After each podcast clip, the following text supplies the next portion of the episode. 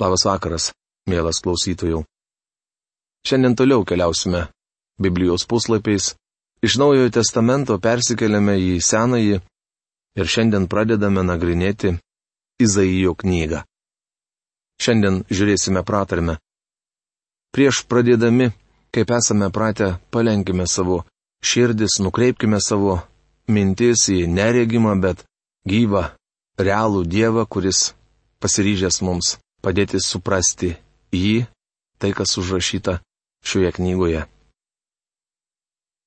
Dangiškasis tėve, dėkojame tau už tavo sūnų, esantį tavo akivaizdoje, tavo aukštybės dešinėje. Ir dėkojame tau, kad tavo sūnus tobulai atliko amžinojo atpirkimo darbą. Dėkojame tau, kad ant jo buvo sukrautos visos žmonių nuodėmės ir kiekvienas, patikėjęs tavimi, dėl to, ką Jėzus padarė šiandien, jo krauju turime nuodėmio atleidimą. Turime prieimą prie tavęs ir tą gyvą bendravimą per žodį, kurį turime priešai savo akis. Ačiū tau už tas pranašystės, kurias galime skaityti ir prašome tavęs, tėvė, kad tu padėtų mums suprasti tą laikmetį ir tai, kad tavo dvasia norėjo pasakyti tuo metu žmonėms. Prašome tavo pagalbos taip pat ir adaptuojant tą medžiagą, kad galėtume pritaikyti kiekvienas savo. Dėkojame tau, kad tu darai mūsų ausis girdinčias, kada mes visą širdimi trokštame pažinti tave. Palaimink šį laiką. Jėzaus vardu. Amen. Taigi pratarmė.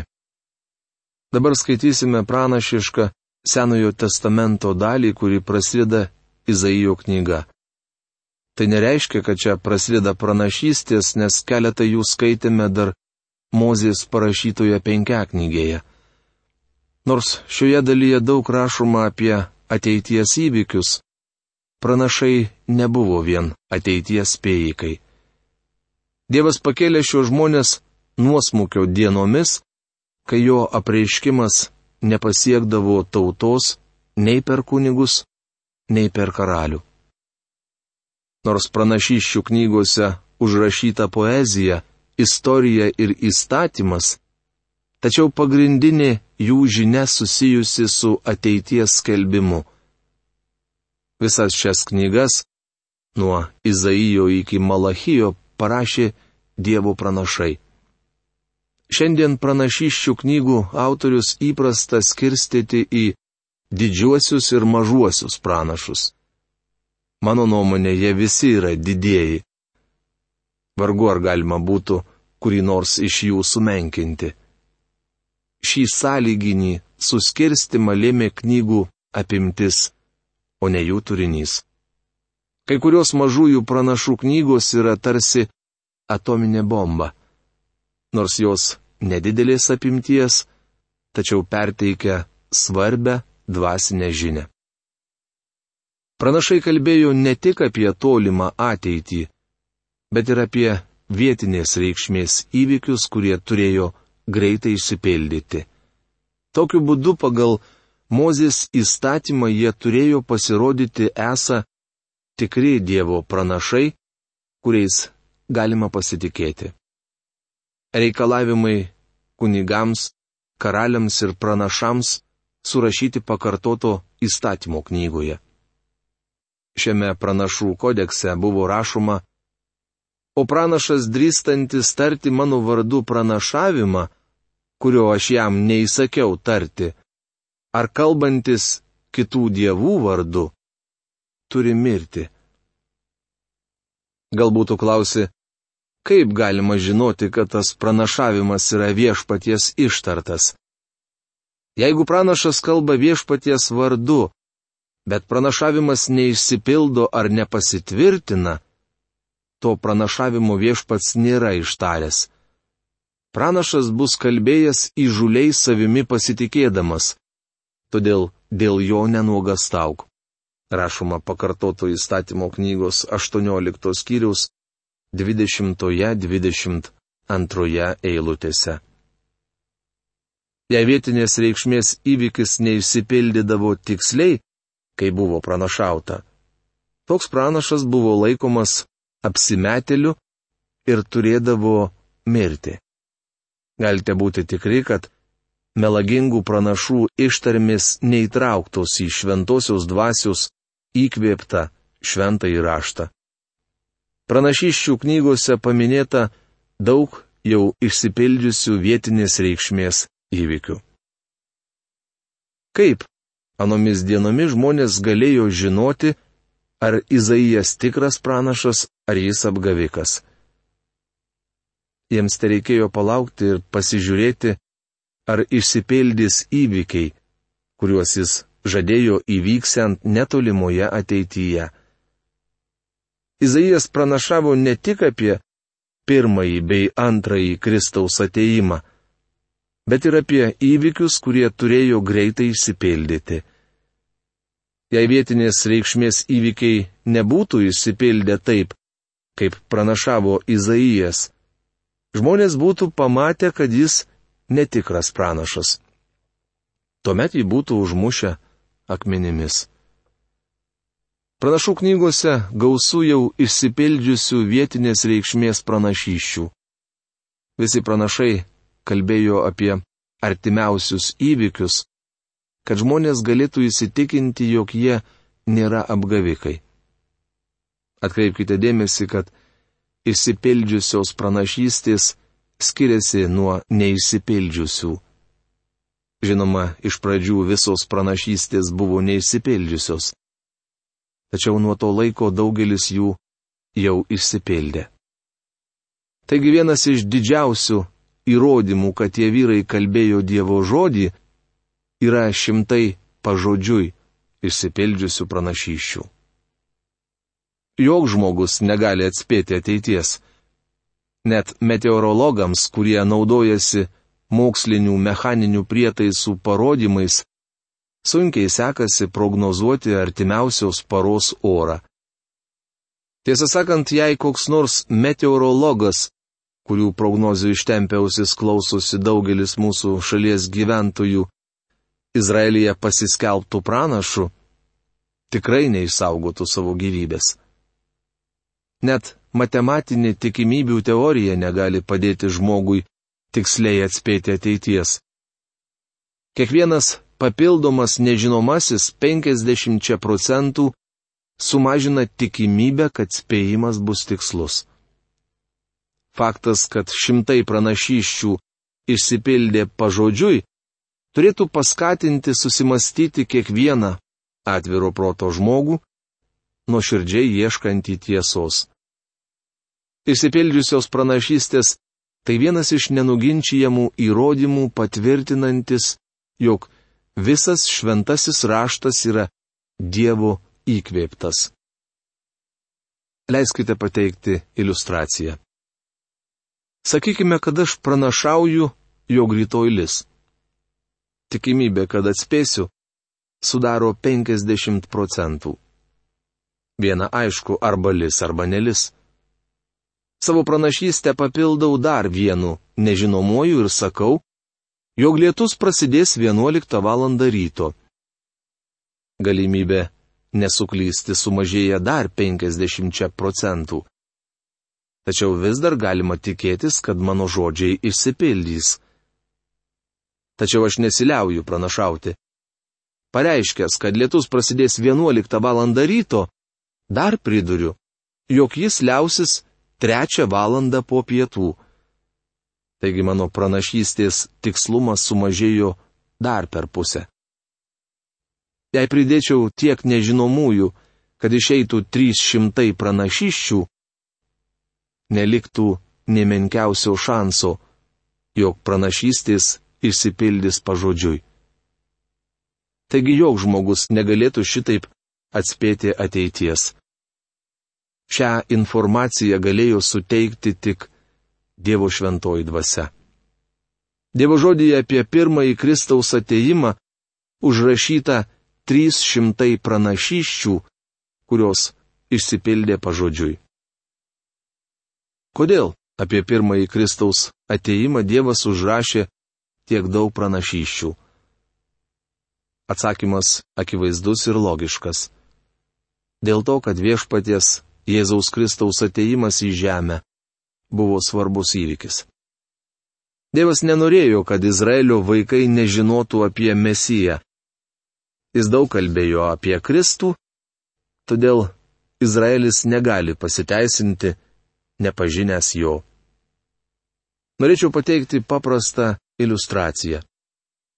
Sakykime, kad jūs kviečiate mane atvykti į svečius.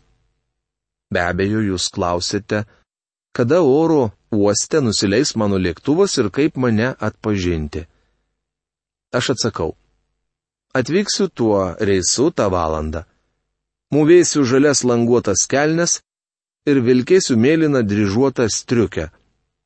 Po ją - rožinius marškinius su didelė violetinė gėle. Bet to ryšėsiu didelį geltoną taškuotą kaklaryšį. Mūvėsiu baltomis kojinėmis ir avėsiu skirtingų spalvų batus. Viena ruda, kita juoda. Bet to mano skiriamasis ženklas bus jojiko skrybėlė. Vienoje rankoje laikysiu nardelį su papūga, kitoje - už grandinės pririštą jaguarą. Kaip manote, ar atvykęs į oro uostą manęs pasitikti, atpažintumėte mane minioje? Senasis testamentas buvo duotas Izraelitams ir jie žinojo, kas jame parašyta. Kai Jėzus atėjo į žemę, jie turėjo lūkuriuoti prie Betlėjaus užeigos arba laukti žinios apie jo gimimą. Matote, tie žmonės turėjo visą reikiamą informaciją. Kai pasirodė išminčiai, klausinėjantys apie viešpatį Jėzų, izraelitai galėjo sėsti ant kupranugarių ir sekti iš paskos. Jie galėjo bent pasižiūrėti, kas yra tas, kurio jie ieško. Jėzaus Kristaus ateimas buvo be galo svarbus ir Dievas iš anksto apie jį buvo kalbėjęs. Pranašai buvo dideli savo tautos patriotai. Jie smerkė nuodėmę, neatsižvelgdami žmonių luomus ir įspėdavo tautą apie grėsiančias nelaimės.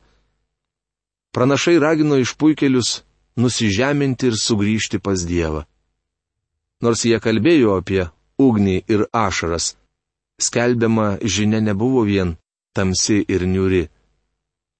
Pranašai matė viešpaties dieną ir būsimąją šlovę. Jie visi laukė išauštant naujos dienos. Tamsos apsupti pranašai regėjo šviesą, tai yra būsimai gelbėtojo ir karaliaus ateimą. Jie matė tūkstantmetės karalystės pilnatvę. Aiškinant pranašų žinę, nereikėtų vadovautis tuo, kas apie karalystę pasakyta Naujajame testamente. Teisingą supratimą apie karalystę turėtume susidaryti žvelgdami į ją Senojo testamento pranašų akimis. Pranašai nebuvo supermenai.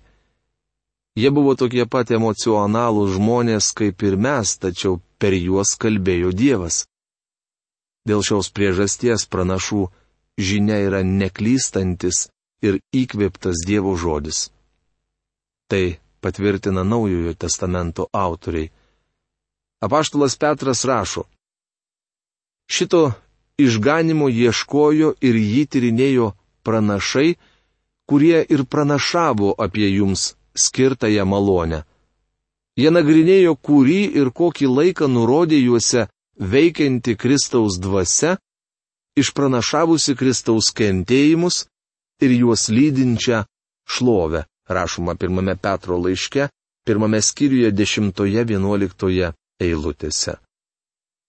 Apaštalas Petras apie pranašystės rašo ir antrame laiške. Bet aš pasistengsiu, kad ir man iškeliavus, jūs kiekvienu metu galėtumėte tai prisiminti.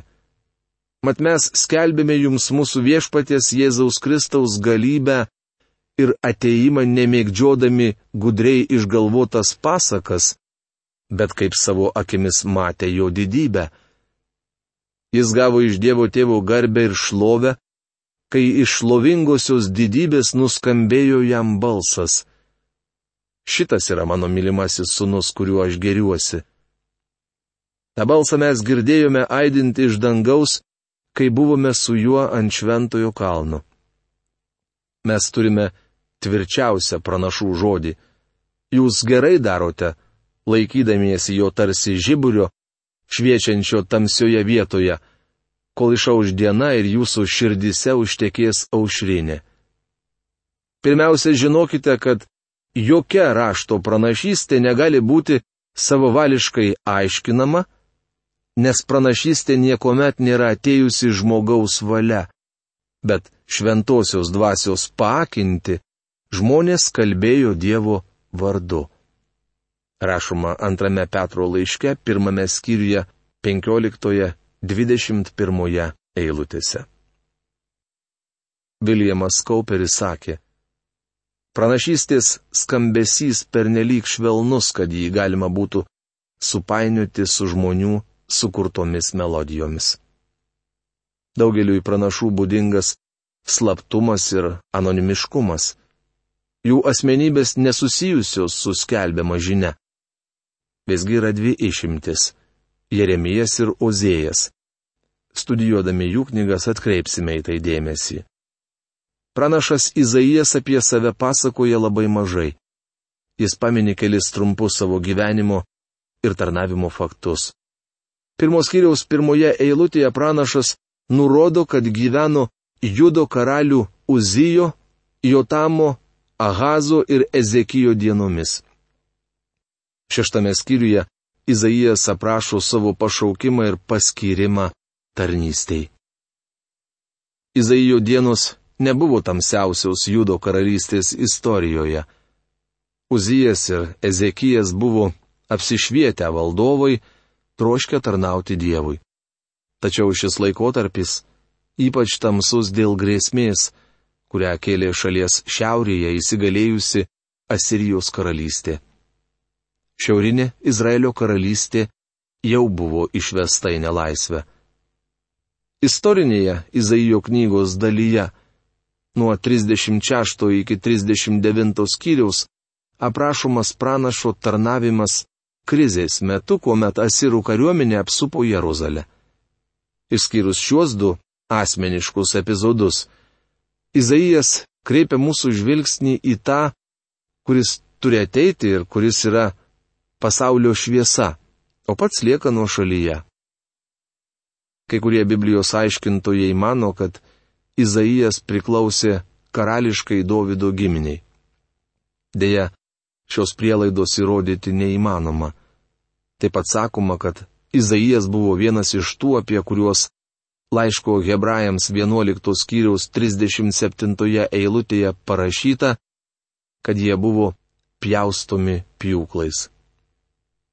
Nežinau, ar tai tiesa, tačiau liberalūs kritikai už tai, kad jis parašė šią knygą iš tiesų pjausto į pjūklais.